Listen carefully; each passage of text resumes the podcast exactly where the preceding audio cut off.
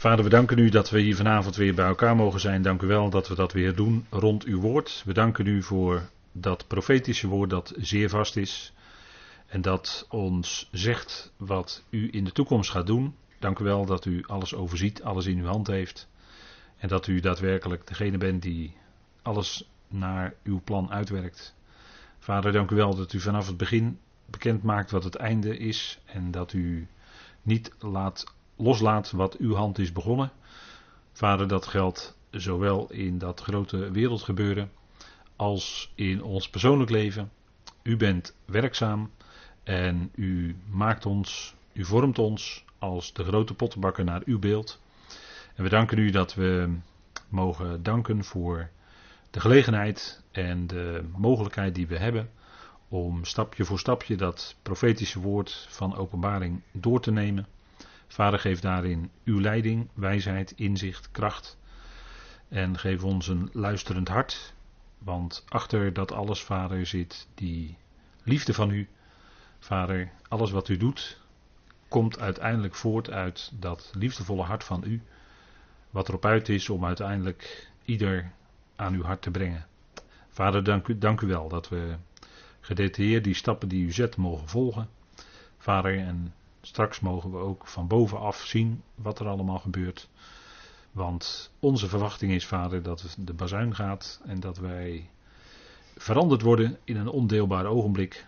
En dat wij gezamenlijk met degenen die in Christus ontslapen waren, de Heer mogen ontmoeten in de lucht. Vader, we danken u dat dat ons uitzicht is. Voordat al deze dingen die beschreven staan in openbaring gaan komen. Vader, dank u wel dat we de voetstappen horen van uw zoon. En we zien het in de wereld om ons heen. Alles wordt ervoor klaargemaakt. Vader, dank u wel dat u ons oog daarvoor opent. En vader, dank u wel dat u aan ons als gemeenteleden bekend maakt wat in geen mensenhart kon opkomen. Maar het is geweldig, vader. Het is enorm dat u ons zoveel geeft. We danken u daarvoor in die machtige naam van uw geliefde Zoon, onze Heer Christus Jezus. Amen. Goed, wij waren gebleven in Openbaring 16. En ik wilde dan even met u uh, lezen de laatste versen van dat hoofdstuk. Zo ongeveer waar we gebleven waren, dat was in vers 14 of vers 13, vers 13. En dan lees ik met u even door tot en met het einde van het hoofdstuk. En ik zag uit de bek van de draak, uit de bek van het beest en uit de bek van de valse profeet drie onreine geesten, als kikvorsen. Dit zijn de geesten van demonen die tekenen doen, die uitgaan naar de koningen van de aarde en van de hele wereld, om hen te verzamelen voor de oorlog van de grote dag van de Almachtige God. Zie je, kom als een dief. Zaligheid die waakzaam is en op zijn kleren acht geeft, zodat hij niet naakt zal rondlopen en men zijn schaapte niet zal zien.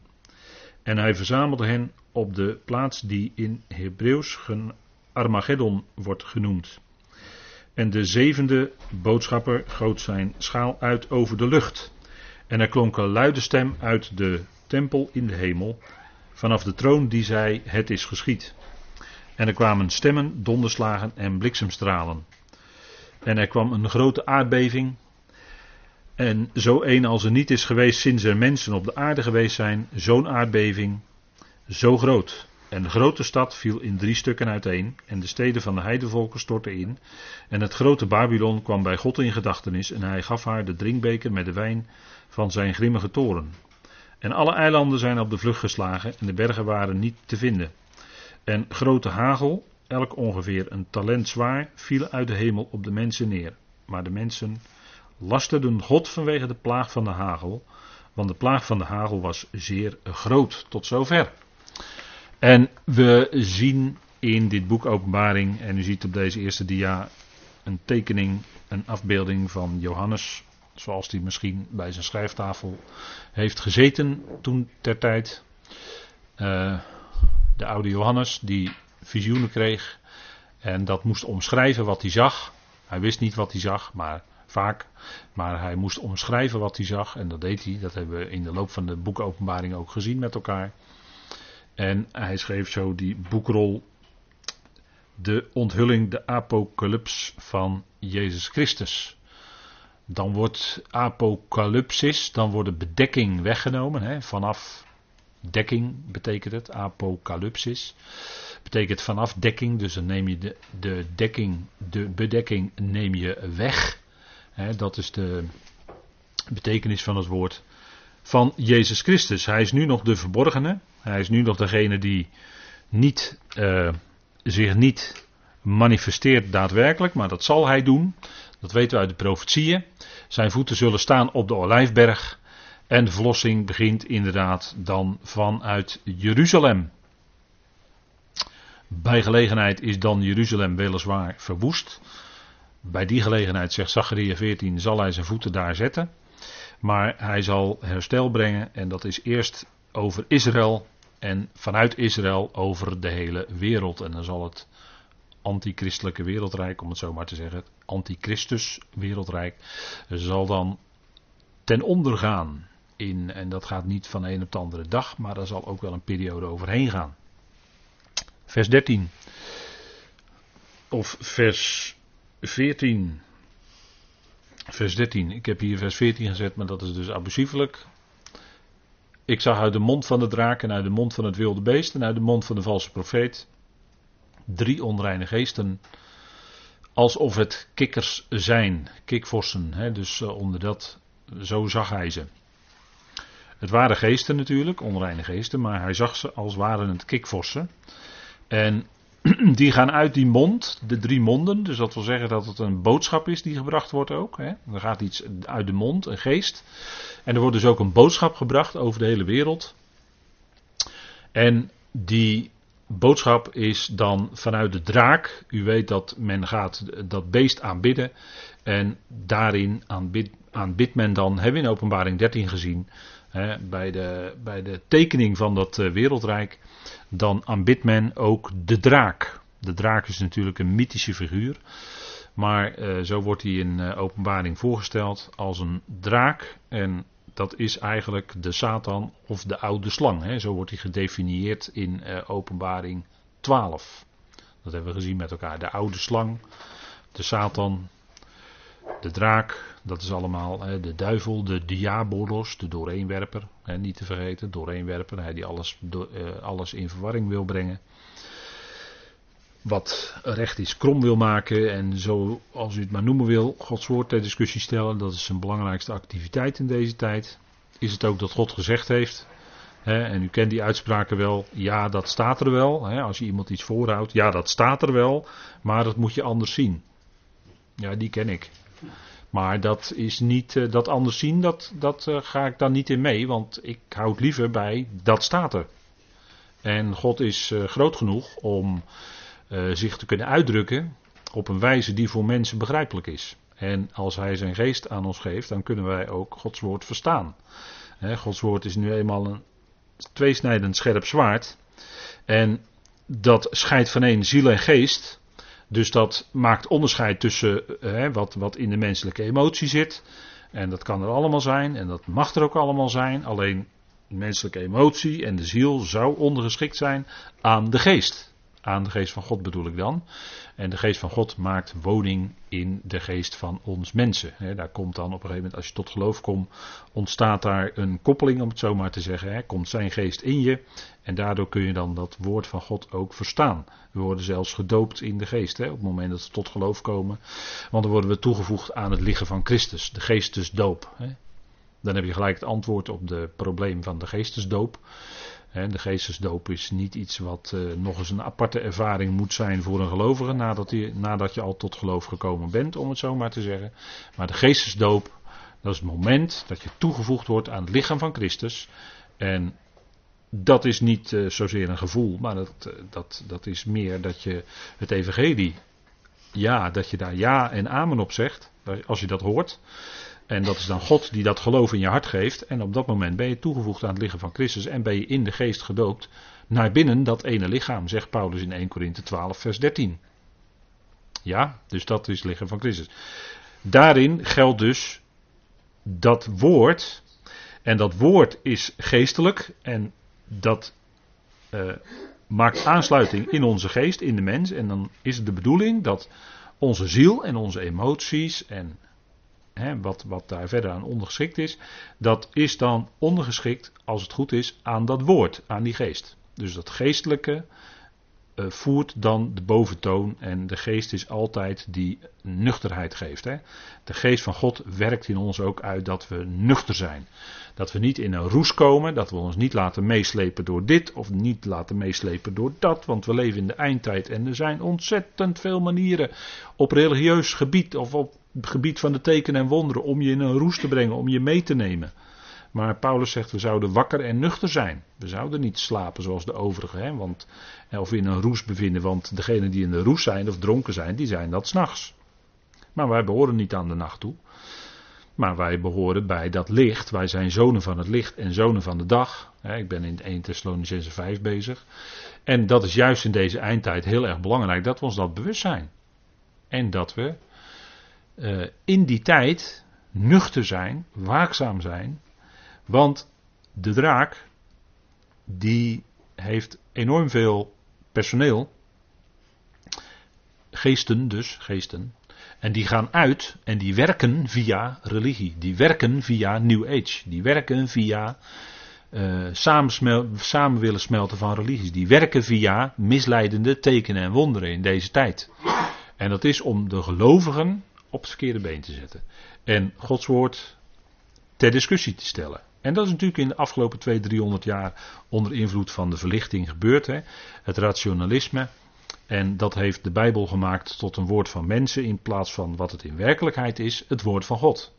En heeft men gezegd, ja, dat is een ervaring en weerslag van wat mensen hebben ervaren met God. Hè? Dus het is eigenlijk van beneden naar boven. Wij zeggen, nee, Gods woord is gekomen van boven naar beneden. En dat heeft in uitwerking in en voor die mens. Dus het is het woord van God. En zo hadden de Thessalonicenzen dat ook aangenomen. Niet als een woord van mensen, maar wat daadwerkelijk is, zegt Paulus daar. Het woord van God.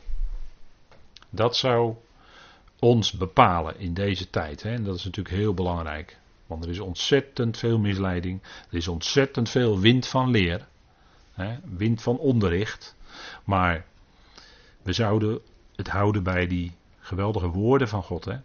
Nou, de valse profeet, we hebben, het, we hebben in de eindtijd uh, een, een, een, drietal. Hè? De, de, draak, het wilde beest, dat is de leider hè, van, het, van het beest. Het beest bestaat bij gelegenheid uit tien uh, staten, tien statenbond. Kan natuurlijk nooit meer de Europese Unie zijn, hè? kan niet. Want dat zijn er al 25 of zo. Dus dat kan niet meer. Dat is toen wel even gedacht. Hè. Toen een beetje 10, 12 landen waren. Toen dachten christenen dat de Europese Unie misschien wel dat beest was. Hè. En dan onder leiding van de paus. En dan is de paus de antichrist. Hè. Dat is ook een hele oude gedachte vanuit de Reformatie. Hè. Dat ze dachten dat uh, Rome Babel was. En dat de paus dus de antichrist is. Maar dat is ook allemaal. Ja, allemaal. Uh, klopt niet helemaal. Hè. Want u hoort het mij al zeggen, Rome is Babel. Maar wacht even, dan klopt er iets niet. Want Rome is Rome. Paulus was in Rome, hij was niet in Babel. Petrus wel. Uh, ja, en Babel is niet Rome en Rome is niet Babel. Dus dan is de paus niet de antichrist. Nee, de paus is niet de antichrist. Misschien, en dat heb ik wel eens meer gezegd, misschien zou de paus in de toekomst de valse profeet kunnen zijn. Maar je hoort het al, misschien zou kunnen. Dus ik zeg dat heel voorzichtig. Hè? Dat is een mogelijkheid. Hij werkt wel heel hard aan een, eenwording van de religies, hè, de grote religies van de wereld. Gezamenlijk gebed met de imam en met de Mahdi, of nee, de Mahdi is er nog niet.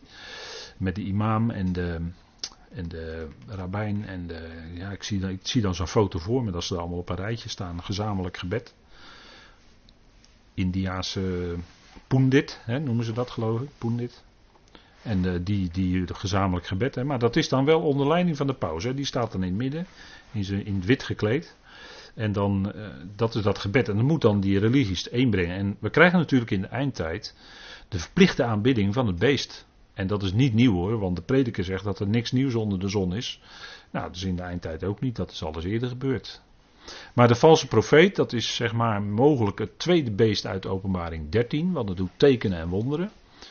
En die worden dan ook later geworpen in de poel van vuur. Hè? Daar worden ze gepijnigd. En dat zijn dan die geestelijke machten die zich hebben voorgedaan als, de, als het beest, de wetteloze en de valse profeet. Of bezit hebben genomen van mensen, dat kan ook nog. Maar die geestelijke machten die worden dan in de poel des vuurs geworpen, alwaar zij gepijnigd worden. Dat zijn de enige twee. En de tegenstander, dat is tijdens de duizend jaar bedoel ik. Want later komt de tegenstander erbij, hè, na die duizend jaar, komt de tegenstander er ook bij. Hè, die wordt dan pas in de poel van vuur geworpen. Dan heb je de drie. Die levend in de poel van vuur zijn. De rest is allemaal dood. Hè, want als het over mensen gaat, dan is de poel des vuurs, of het meer van vuur, is de tweede dood. Staat er gewoon bij. Hè, de poel des vuurs, dat is de tweede dood. En daar worden mensen in geworpen. En voor die mensen betekent het dat ze de tweede keer doodgaan. En dood is gewoon dood, is geen bewustzijn. Dus in de tweede dood is net zo min bewustzijn als in de eerste. Want het is gewoon wat het is: dood. Het staat er, hè? Tweede dood. Thanatos. Dus dat is. En in die dood, hè, als iemand echt necron is, dus echt helemaal dood is, dan is die oh, buiten bewustzijn. Dan is er geen bewustzijn meer. Tot het moment van de opstanding. En het moment van opstanding komt, want ook de tweede dood wordt buiten werking gesteld, want dat is het werk van Christus.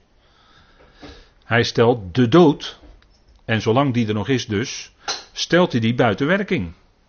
Op zekere momenten. Dat is de missie van Christus Jezus, onder andere. Hij stelt de dood buiten werking. Staat daar in de aorist, hè, 2 Timotheus 1 vers 10. Dus dat is een feit. Dat is wat hij doet. En dat is alleen nog een kwestie van tijd. u weet hoe het met Gods woord zit.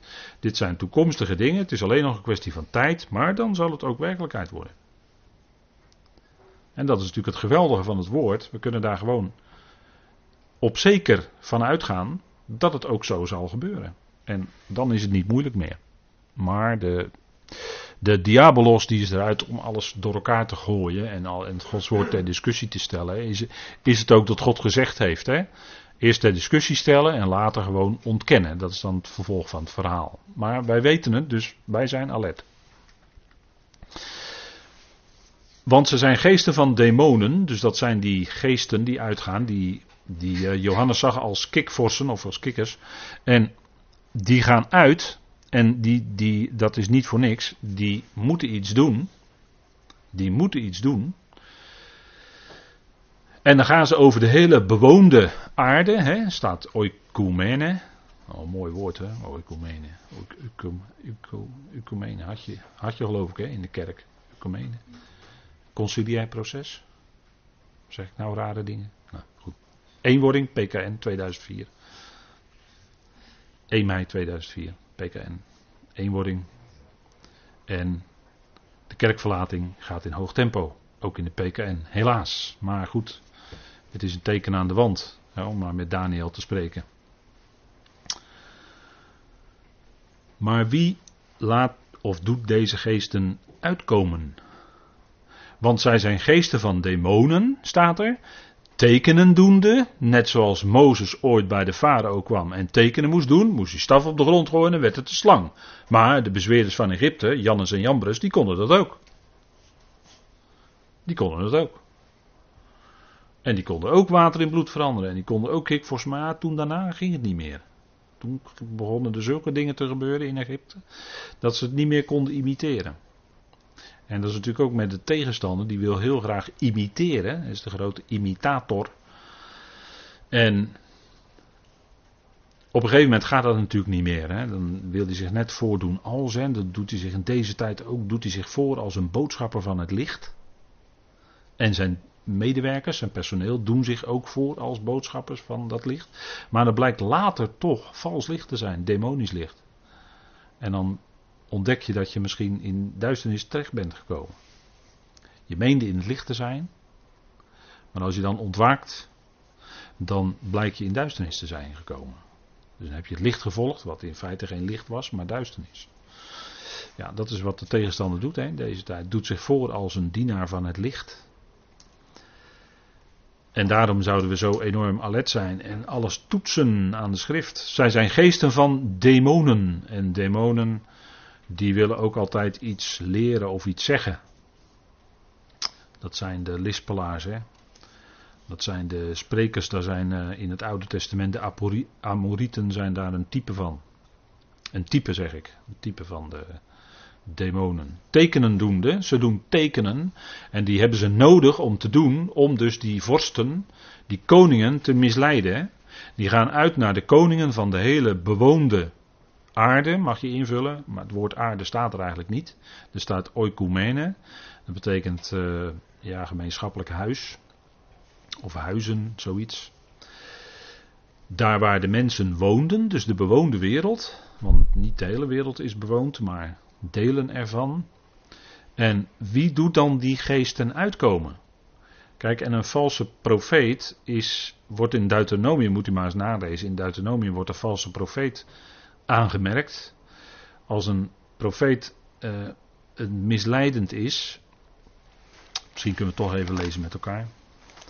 Er staat een toets in Deuteronomium 13 over valse profeten. Want die demonen, dat zijn valse. valse profeten. Even kijken, Deuteronomium 13. Want dat, dat is in verband met die tekenen en wonderen. Want daarmee kun je dus misleid worden. En dat werd natuurlijk tegen Israël al gezegd in de Torah. Deuteronomium 13. Als in uw midden een profeet, vers 1, een profeet opstaat of iemand die dromen heeft. En u een teken of wonder geeft. En dat teken of dat wonder waarvan hij tot u gesproken had, komt. En hij zegt: Laten we achter andere goden aangaan die u niet kent. Laten we die dienen. Luister dan niet naar de woorden van die profeet. Of naar hem die die dromen heeft. Want de Heer uw God stelt u dan op de proef om te weten of u de Heer uw God lief hebt met heel uw hart en met heel uw ziel.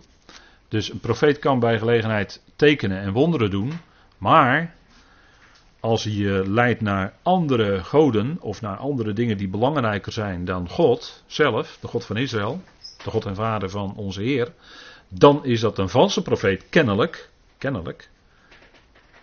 En zo op die manier kon het volk Israël op de proef gesteld worden. En in de geschiedenis is gebleken dat zij die proef heel regelmatig niet hebben doorstaan, om het zo maar te zeggen. Maar ze gingen wel andere goden achterna. Als de profeten kwamen die tekenen en wonderen deden.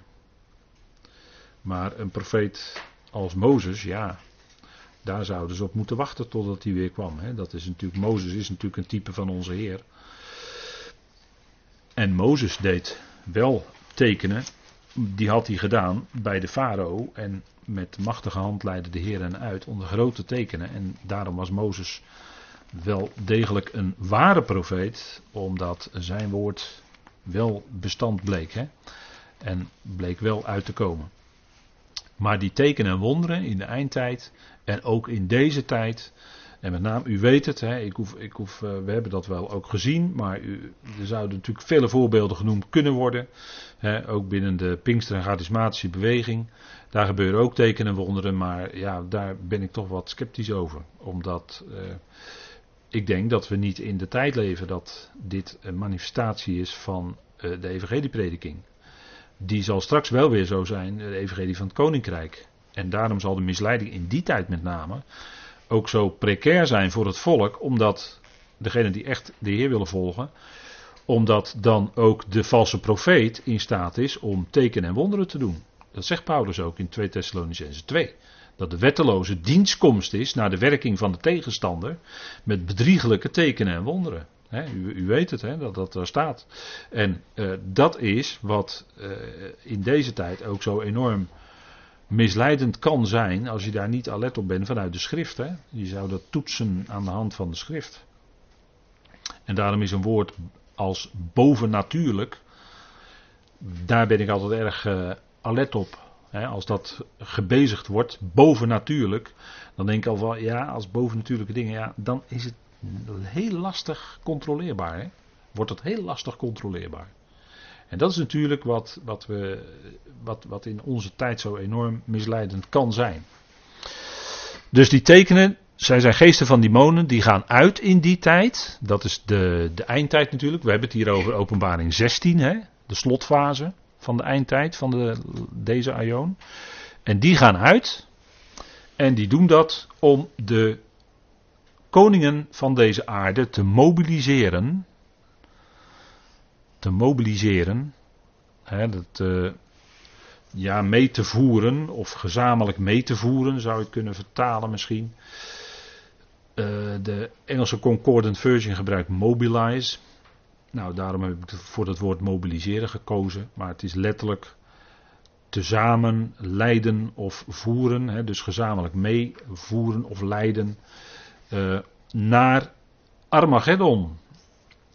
En die, dat die geesten moesten uitkomen op dit moment. En om die koningen daar dus te verzamelen.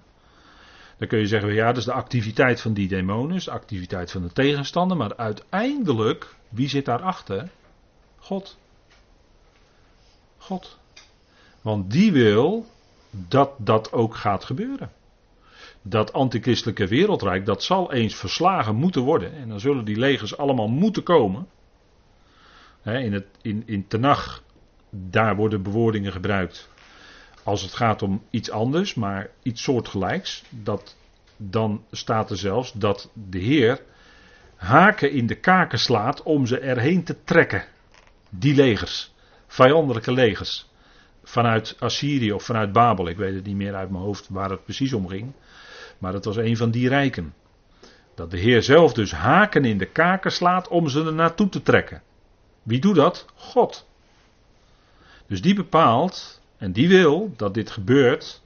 En dit is dan wat gaat komen, want het is de grote dag van God de Almachtige. Dan hebben we het dus over de Pantocrator. Dus degene die alles in zijn hand houdt. dat betekent al vasthouder. Pantocrator. we vertalen dan met de Almachtige. Dat wil zeggen, hij heeft alle macht, hij heeft het vermogen, hij heeft het, het in zich, hij heeft het vermogen, de kracht om dat ook te volbrengen. Om ook daadwerkelijk die legers te gaan verslaan. En dat zal gaan gebeuren. Dat zal niet uitblijven. Nee, dit, dit moet gaan gebeuren. Hè. Dit staat beschreven. Dus dit zal zo gaan plaatsvinden. En u ziet hier op die linkerfoto, dat is Tel Megiddo in Israël. Dat is de, de plaats. We hebben het over uh, de plaats Harmageddon. Waar de legers dan zullen komen in de eindtijd. En dat is voor die grote eindstrijd. Hè. Het gaat om een strijd, dus om een bepaalde slag het gaat niet, niet per se om een oorlog, want een oorlog is groter en een oorlog bestaat uit verschillende veldslagen. je had in de Tweede Wereldoorlog heb je heel wat veldslagen gehad. In Afrika had je Maarschalk Rommel, weet u wel. De naam zegt het al. Maar daar had je die Maarschalk en daar had je bijvoorbeeld de grote slag bij El Alamein. Dat was een enorme slag in de Tweede Wereldoorlog. Of eh, de slag om de Ardennen heb je gehad. En zo waren er wel meer. Hè? Maar dat zijn momenten van strijd in een groter geheel, namelijk die wereldoorlog. Het was een wereldoorlog. Het was niet alleen in Europa, maar het was ook in Azië. Dus het, was enorm. En de resultaten daarvan zijn ook enorm. de resultaten die ermee bereikt werden, zeg ik dan, die zijn ook enorm geweest. want zo kun je veel sneller je geopolitieke ordening krijgen. door een oorlog, dan gaat alles veel sneller. Maar goed, ik ga daar niet te diep op in, want dat is politiek. Maar deze strijd, dan is het duidelijk, hè, en het is ook een strijd in het tempelgedeelte. Het is een geestelijke strijd. Dat zit er uiteindelijk achter. Hè. Het is een strijd. De tegenstander, dat is een geest. Die verzet zich tegen God en die mobiliseert allerlei legers. En hij heeft vandaag ook, mobiliseert hij ook allerlei personeel geestelijke machten en krachten. En die richten hun pijlen nu op het lichaam van Christus. Dat is ook een geestelijke strijd. want de strijd is net zoals nu, is straks ook ten diepste een geestelijke strijd. Het gaat natuurlijk om de religieuze verlossing van de aarde. Tempelgedeelte. En dan worden de gerichten ook intenser. Omdat het gaat natuurlijk om de aanbidding van God. Gij zult de Heer uw God alleen aanbidden en hem alleen dienen. Gij zult u geen gesneden beeld maken enzovoort. En dat beeld dat komt er toch weer in die eindtijd. De gruwel van de verwoesting. Een afgod wordt in de Bijbel bij gelegenheid een gruwel genoemd. Vandaar dat de Heer Jezus spreekt over de gruwel van de verwoesting. Het beeld van het beest dat opgezet zal worden, ook in Jeruzalem. Maar ook in Babylon, wat mij betreft. En ook in andere grote steden van de wereld. En men zal dan verplicht worden om dat beeld te aanbidden. Dat is wat er staat hè, in openbaring 13. En doe je het niet, ja, zeker als het gaat om Gods volk, doe je het niet, dan uh, word, je, uh, word je onthoofd. Daar komt het dan wel op neer. En dat is een vrij zekere dood. als de, dat leren ze in militaire dienst. Als het hoofd gescheiden is van de romp, dan is, dan is men zeker dood. Ja, zo leren ze dat in militaire dienst. Hè? Dus ik citeer maar uit handboeken en dergelijke. Ik ben zelf niet in militaire dienst geweest hoor, uh, maar dit weet ik dan wel. Maar een strijd, hè, een, slag, een slag in een oorlog, dat is wat hier gaat gebeuren. Het is een grotere oorlog, maar dit is dan de eindstrijd. Die gaat plaatsvinden. U kunt dat bijvoorbeeld ook vinden in uh, Lucas 14, vers 31, die uitdrukking. Polemon staat er dan. Daar hebben wij ons woord polemiek van in het Nederlands. En er is ook bijvoorbeeld oorlog of een strijd van de draak met de vrouw. Openbaring 12. Nou, even, heel even opslaan. Voor vergelijkingsmateriaal. We hebben natuurlijk al behandeld, weet ik wel, maar er gaat even om vergelijking. En de draak, daar hebben we hem weer, hè, de draak. Het is hier een rode draak trouwens, hè, geen groene draak, maar een rode draak. En die werd boos op de vrouw en ging heen om strijd te voeren tegen de overigen van haar zaad, die de geboden van God in acht nemen en het getuigenis van Jezus Christus hebben. Dus die draak ging heel bewust strijd voeren tegen die vrouw. En dat is in dit geval dan Israël, het gelovig Israël. U weet wel, die vrouw die die mannelijke zoon baart, hè? wat we hebben gezien. En wat mij betreft zijn dat de 144.000. En daar voert de, straak, de draak ook strijd tegen. En daarin zien we ook weer dat er sprake is van een geestelijke strijd. dit is een puur geestelijke aangelegenheid. En zouden we niet de, de strijd en, en nu, nu, vandaag de dag, onze verdediging is niet met vlees en bloed. Onze worsteling of strijd, of wat, hoe je het ook noemen wil, is niet met vlees en bloed, of met bloed en vlees, maar is met de overheden, de geestelijke boosheden te midden van de hemelingen in de lucht. Nu ook, hè. Vandaar wapenrusting is nooit verkeerd om die aan te hebben, is altijd heel goed. Want het is een strijd. En die strijd is dan de grote dag van God, de Almachtige. Dus dat wordt hier aangeduid als iets belangrijks, heel belangrijks. Hè? De grote dag van God, de Almachtige. dus dat is een specifieke dag die op Gods kalender staat. Daar staat een datum voor. Wij weten die datum niet. Maar denk erom dat er een datum voor staat en dat zal dan gaan gebeuren. Dat moet, dit moet allemaal gaan plaatsvinden daar, daar is uh, de schrift natuurlijk duidelijk over.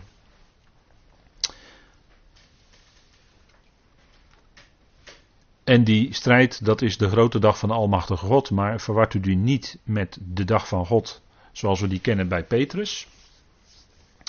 De grote dag van de Almachtige God is de dag van de eindstrijd van de derde Aion. Dat woord Aion is weggevallen. Ik weet niet waarom, maar Derde Aion, dat bedoel ik. De dag van de eindstrijd van de derde Aion. En deze derde Aion, die startte bij Noach, de trooster. Ook daarin een type van Christus. Hè. Christus is de trooster natuurlijk. Maar Noach bij Noach kwam ook troost. Dat zit ook in zijn naam. He, Nagam. Daar is van afgeleid. En bij Noach kwam de troost en ook een nieuw begin. Dat was de instelling van het menselijk bestuur. toen gaf God het bestuur in handen van de mens. En dat begon allemaal met Babylon. Maar daarover later vanavond meer. Babel, Babylon. En vanaf het begin van die derde aion, want dan lees je al heel snel over in Genesis 10 en Genesis 11, lees je over Nimrod en lees je over Babel. En vanaf dat moment gaan we ook zien dat in die menselijke geschiedenis, als het gaat om wereldrijken, dat dan Babel de hoofdstad is. Babel is in de geschiedenis de hoofdstad van het wereldrijk. En dat was de beginsel van het koninkrijk bij Nimrod was Babel. Dat was overigens niet de eerste stad die gebouwd werd. Want de eerste stad die gebouwd werd was bij, dat weet u denk ik wel, Kain. En die stad heette Henoch. Ja. Dat was de eerste stad. Dus dat, bij Kain lag het beginsel. Hè, dus bij Kain, daar zie je dus de lijn van uh, weerstand tegen God. Hè. Je hebt de andere lijn, dat is de Bijbelstudie Soest. De andere lijn is de lijn van onderschikking. En de ene lijn is de lijn van het zich verzetten tegen God. En dat is de weg van Kain. dat zie je al in de offeranden die Kain en Abel brachten. Daarin zie je het verschil. Maar ook later, toen Kain dus die stad ging bouwen en die noemde hij naar zijn zoon Henoch. Nou goed, daar, daar ligt het beginsel van de stad, hè? Dan weet u dat. Babylon speelt de grote rol als het om een wereldrijk gaat. Babylon is steeds de hoofdstad van een wereldrijk. Het gaat hier om de eindstrijd van de derde aion. En de derde aion is de aion waarin het kwaad tot een hoogtepunt komt. En in die tijd leven we nu. Dus bijna culmineert het. Maar dat is als wij weg zijn. Dan pas kan het echt culmineren. Want dan zijn wij als weerhouder weggenomen. En dan kan de geest van het verderf en van de wetteloosheid nog veel sterker doorzetten dan dat het nu al doet. En dan gaan heel veel dingen los, om het zo maar te zeggen. En dan bedoel ik los echt niet positief hoor, maar dan bedoel ik echt negatief. En dan gaan heel veel dingen los. En dat is de culminering van het boze, van het kwaad. En daar zal dus een eind aan gemaakt moeten worden. Het kwaad is dan nog niet definitief weg, want dat zal in de vierde en de vijfde eon, zij het nog wel een rol spelen, maar een veel bescheidener rol, veel minder. En pas aan het eind van de vijfde eon wordt het laatste kwaad, dat is de tweede dood, wordt ook weggedaan, wordt ook opgeheven. En dan is het kwaad definitief voor altijd verdwenen. Komt daarna ook niet meer terug. En dat geldt natuurlijk ook voor de zonde. Dat verdwijnt ook definitief bij de afsluiting van de eonen. Verdwijnt dat ook definitief. En dat is uh, definitief, dat is voor altijd dus. Dat komt niet meer terug. Want dan is het alleen vanaf dat moment God alles in al een heerlijkheid. En dat houdt nooit meer op. Gelukkig niet. Dat is het toekomstperspectief hè, voor ons. Het is fantastisch hoor, als u dat, als u dat weet. En dan een, eigenlijk een vers tussendoor zou je kunnen zeggen. Waarin de Heer ineens zich weer richt tot de Ecclesia's van die tijd. met de Ecclesia's bedoel ik dan de Joden-Christengemeentes in, die in openbaring 2 en 3 genoemd worden. Want in eerste instantie is het hele boek aan hen gericht, die hele boekrol. De Joden-Christengemeentes, dus hij richt zich weer tot de gelovigen van die tijd. Hè, degene die in die tijd Jezus als hun Messias kennen. En dan zegt hij, zie ik kom als een dief. Het zal voor velen onverwacht zijn. Zoals een dief s'nachts onverwacht komt. Daarom zegt hij dit tegen de gelovigen van die tijd. En dat is een uitdrukking die in de schrift natuurlijk vaker wordt gebruikt. En ik heb op deze dia een aantal uh, teksten gezet waar dat ook genoemd wordt. En dan ontdek je eigenlijk dat het steeds in verband wordt gezegd met de gelovigen uit de besnijdenis. Gelovigen uit Israël. Wij zouden waakzaam zijn. Um, Matthäus 24, dat is een hele bekende. Laten we die even met elkaar opzoeken. Matthäus 24. Zie, ik kom als een dief.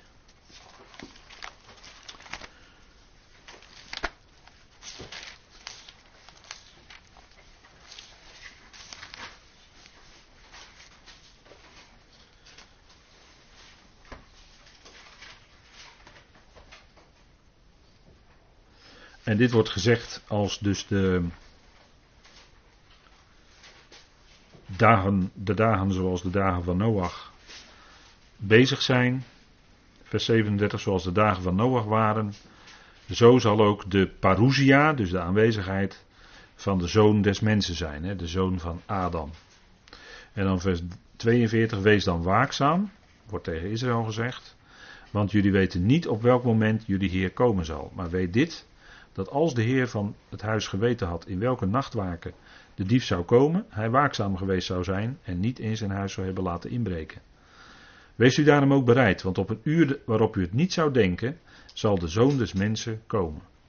Dus het is voor Israël dan zaak om heel erg waakzaam te zijn, te letten op de tekenen, want dan zouden ze daaruit af kunnen leiden dat de Heer komt. En voor hen die opmerkzaam zijn en dit woord in acht nemen, zal het niet onverwacht zijn, zoals een dief in de nacht. Maar voor hen zal het echt een moment zijn waarop ze, waarnaar ze hebben uitgekeken. Hè? En 1 Thessalonicense 5 zegt daar ook iets over. 1 Thessalonicense 5. En er wordt dan tegen ons gezegd. 1 Thessalonicense 5.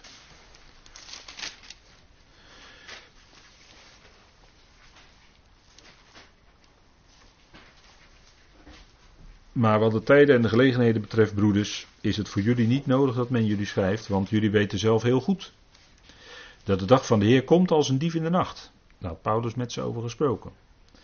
Want wanneer zij zullen zeggen er is vrede en zekerheid, of vrede en veiligheid, dan zal een onverwacht verderf hun overkomen, zoals de banenzweeën een zwangere. En ze zullen beslist niet ontvluchten. Wanneer zij zullen zeggen, wil niet, helemaal niet zeggen dat wij als leden van het lichaam van Christus dat meemaken. Maar dit is een voorzegging, een profetie. Wanneer zij zullen zeggen er is vrede en veiligheid, dan zal een onverwacht verderf hun overkomen. En de laatste conferentie die in Polen gehouden is over de vrede in het Midden-Oosten. Vrede met de Arabieren, waarin het vredesplan van Trump op tafel is gelegd. En dat werd niet bij alle Arabische staten in dank uh, aanvaard hoor, moet ik zeggen. Want uh, ja, daar speelt wel iets met Iran. Speelt met Iran iets geloof ik, ergens wel. Ja. Maar daar werd wel gezegd, uh, dit is toch een, een veranderde tijd. Want de Arabische staten hebben toch wat een veranderde houding ten aanzien van de Palestijnen ingenomen. met name de houding van Saudi-Arabië. Maar die Amerikaanse vice-minister-president Mike Pence, die nam deze woorden ook in zijn mond en hij zegt het gaat over vrede en veiligheid. Peace and security. Letterlijk. Die woorden nam hij in de mond. Dus we zien daaraan dat als zij daar zullen zeggen in het Midden-Oosten, er is vrede en veiligheid, dan zal een onverwacht verderven overkomen. En dat zijn natuurlijk de dingen die in openbaring beschreven staan. Dus als men denkt daar de zaken voor elkaar te hebben, hè, dat vredesplan, en misschien is het een vredesplan wat, met, wat, uh, wat mutatis mutandis, hè, met de nodige veranderingen, aangenomen wordt. Dan zou het best kunnen zijn dat er dan ineens vrede is in het Midden-Oosten. Maar dat kan natuurlijk pas echt zo zijn als wij weg zijn. 1 plus 1 is 2 zou ik zeggen. En voor ons zal de Heer dus niet komen als een dief, want wij zien uit naar zijn komst. Wij zien uit naar de bazuin. En, en dat is. en Paulus roept ons ook om waakzaam en nuchter te zijn, geestelijk gezien, want wij leven in de tijd waarin heel veel misleiding is, waarin heel veel erop uit is om je in een geestelijke roes te brengen. Maar we zouden ons daar niet door laten meeslepen, maar we zouden waken. 1 Thessalonicense 5 vers 6. Wij zouden waken en nuchter zijn. Dat is wat we zouden zijn. Hè? Want die slapen, slapen s'nachts, zegt Paulus in vers 7. En die dronken zijn of in een roes zijn, die zijn s'nachts dronken of in een roes. Maar laten wij die van de dag zijn, nuchter zijn, bekleed met het borstharnas van geloof en liefde. En met de verwachting van redding als helm op ons hoofd. Dat bewaart ons denken. Want er zijn natuurlijk heel veel boekjes en filmpjes die ons willen zeggen: kijk eens naar die constellatie, kijk eens naar die bloedmaan, kijk eens naar die sterren. En dan komt de Heer vast wel in september dit jaar. He, daar hebben we de afgelopen jaren toch diverse dingen van gezien. En het hoofd van de mensen werd op hol gemaakt. En de datum ging voorbij en het gebeurde niet. Er gebeurde niks. Maar mensen werden wel op die manier in een soort roes gebracht.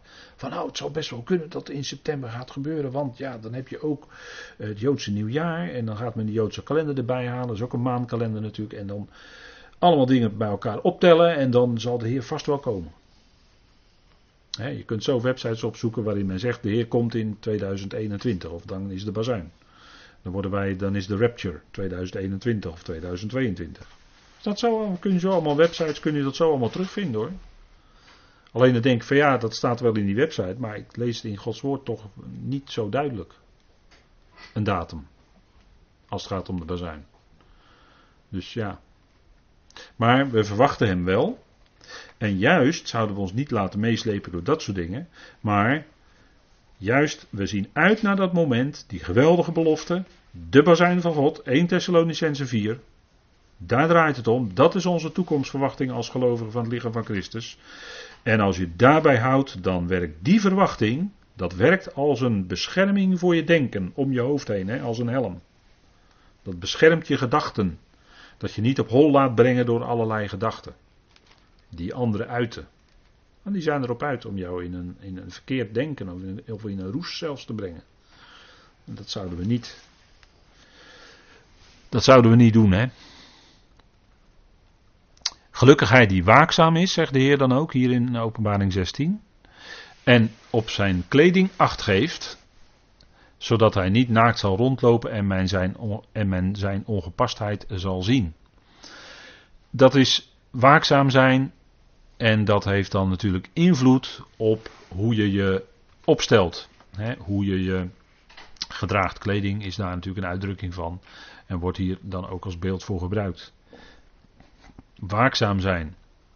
Dat zegt de Heer hier dan tegen de gelovigen van Israël.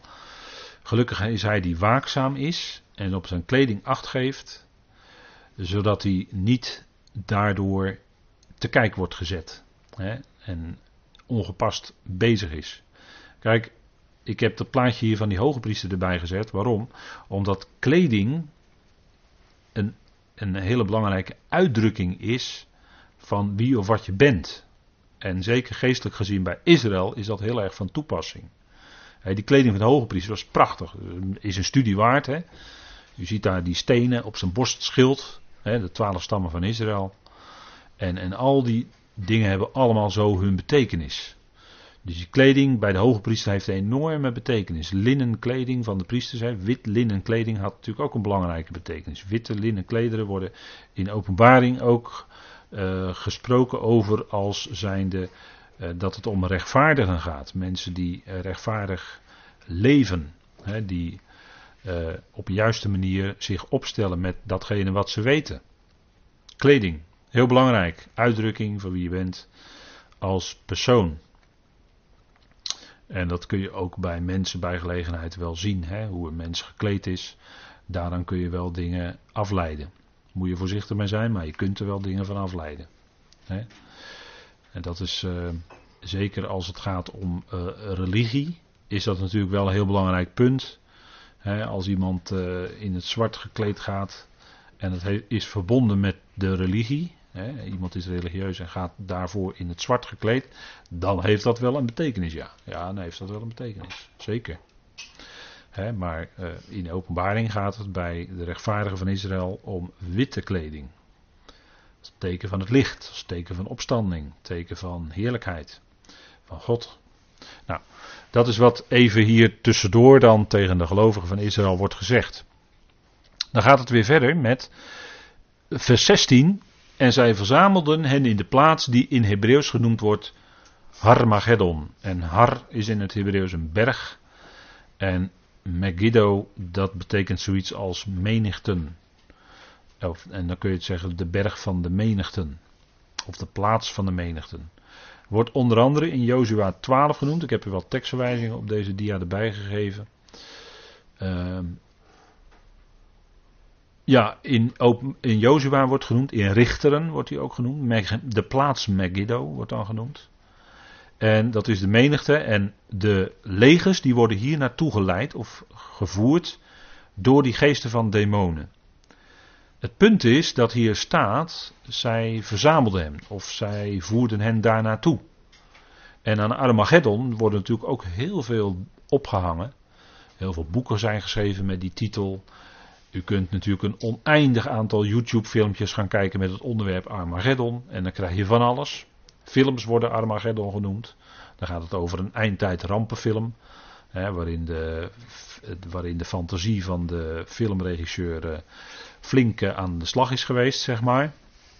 Hè, want meestal uh, is daar heel weinig bijbels in te ontdekken.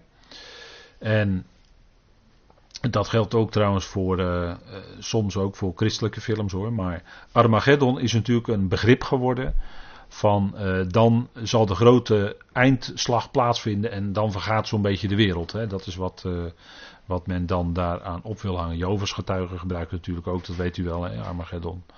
En dan worden de 144.000 behouden, die gaan dan het koninkrijk in. En uh, nou, wordt natuurlijk in die kringen ook gebruikt. Maar het punt is, wat, wat staat er nu eigenlijk hier over Armageddon? Want het is de enige keer dat in de schrift deze naam genoemd wordt. Armageddon. Megiddo wel vaker. Maar Armageddon als, als woord is de enige keer in de hele schrift. En wat hier gebeurt is dat die legers hier naartoe verzameld worden. Er wordt niks gezegd over strijd. Dus of er een strijd plaatsvindt in het gebergte of bij de berg of op de berg Armageddon, dat is, uh, dat, dat is niet wat hier staat. Staat alleen dat ze, goed, de vertaling zegt hier verzamelen. Maar dat is het enige wat gezegd wordt. En Megiddo, dat was een, eigenlijk een, ja, Har Megiddo, dat is eigenlijk een berg. En die is daar ook. En als je op die berg staat, dan kijk je uit over een vlakte. En die vlakte, dat is wel wat bekender. En daar zal een deel van de strijd plaatsvinden. Maar als je de schriften naloopt, dan wordt er over een heel lang gerekt traject wordt die strijd geleverd. En dan worden de vijandelijke legers natuurlijk vernietigend verslagen door Christus, door God. En dat is een lengte van, men zegt 184 mijl. Dus dan praat je over, nou ja, waar praat je dan over? 250 tot 300 kilometer. En het beloopt dan vanaf, vanaf inderdaad Armageddon, of uh, Megiddo, die vlakte daar, tot aan het zuiden Bosra. En dat is een, dat is een uh, lager gelegen, lange soort slenk, zeg maar. En over die hele lengte, daar zullen die legers verslagen worden. En dan zal het, wat we wel eens eerder gelezen hebben, dan zal het bloed tot aan de tomen van de paarden staan. En dan zullen ze zeven maanden nodig hebben om alle lijken te ruimen. Zeven maanden. Wat denkt u ervan? Hoeveel men, hoeveel soldaten dan daar omgekomen zijn. Wat denkt u ervan? Dat is een eindstrijd hoor, dat is een slag. En dat is wat gaat gebeuren. dus het is niet dat daar per se op die plek. Nee, het is een heel lang gerekt stuk. En uh, ik heb het op deze volgende dia even wat meer aangegeven. Uh, het is de vlakte van Israël. Dat wordt ook genoemd. Dus die Tel Megiddo die ligt bij de vlakte van Jezreel. Of het dal van Jozafat wordt het ook genoemd. En ik heb die blauwe pijl op dat kaartje gezet om aan te geven de lengte van die slenk waarin al, straks al die soldaten zullen liggen, zeg maar. Om het even plastisch te zeggen. Dus dan ziet u dat daar iets enorms nog gaat gebeuren. En dat is precies natuurlijk dat dalgebied van uh, vlakbij de Jordaan en bij de Dode Zee. En dan een stukje onder de Dode Zee, daar ligt dan Bosra. Bosra betekent schaapskooi. En als je nog zuidelijker gaat, dan kom je ook bij Petra. Dan kom je ook bij een gebergte daar terecht. Petra, dat weet u, dat is die uh, beroemde stad uit de rotsen in Jordanië. Dat is de oude Nabateese hoofdstad. Hè. Ooit woonden daar de Nabateën. En de oude hoofdstad daarvan was Petra. En daar is ook een plaats die wordt genoemd Sela. Dat ligt ook daar in dat gebied. Hè? En als u het mij vraagt, dan hebben die, die uitdrukking Sela in de psalmen heeft te maken met die plaats. Wordt altijd gezegd dat het een pauzeteken is. Maar als u het mij vraagt, is dat die plaats daar bij Petra, Sela. En daar zal het gelovige overblijfsel van Israël in die tijd van benauwdheid van Jacob zich kunnen verbergen. Ze had dan een plaats haar van God toegewezen in de wildernis. En dat zou heel goed Petra of Sela kunnen zijn. Andere uitleggers menen dat het dichter bij Jeruzalem is. In de, in de wildernis of woestijn van Judea. Dat, kan, dat zou misschien ook kunnen. Dat is ook een mogelijkheid. Maar Petra zou daar toch de uitgelezen plaats voor kunnen zijn. Omdat daar al allerlei ruimtes in rotsen, daar kun je goed verbergen. En daar zal dan, als u mij vraagt, het gelovige overblijfsel van Israël bewaard worden. En die zullen dan door de Heer daar opgehaald worden. Daar zijn ook profetieën van. En die zullen dan optrekken naar Jeruzalem. En dat is allemaal nog toekomstmuziek. Hè? De begin van het koninkrijk. Nou, de menigten van de legers van Babel, want de Uifraat droogt immers op. En dat is omdat die legers allemaal moeten komen. En dat zal onder aanvoering zijn van Babel, de legers van Babel.